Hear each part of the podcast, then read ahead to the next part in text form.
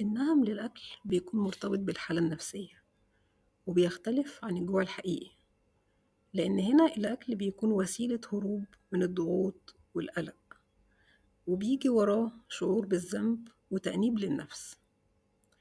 هقدر أساعدك أكتر لو اخترتي من القائمة اللي جاية المشكلة بتحديد أكتر.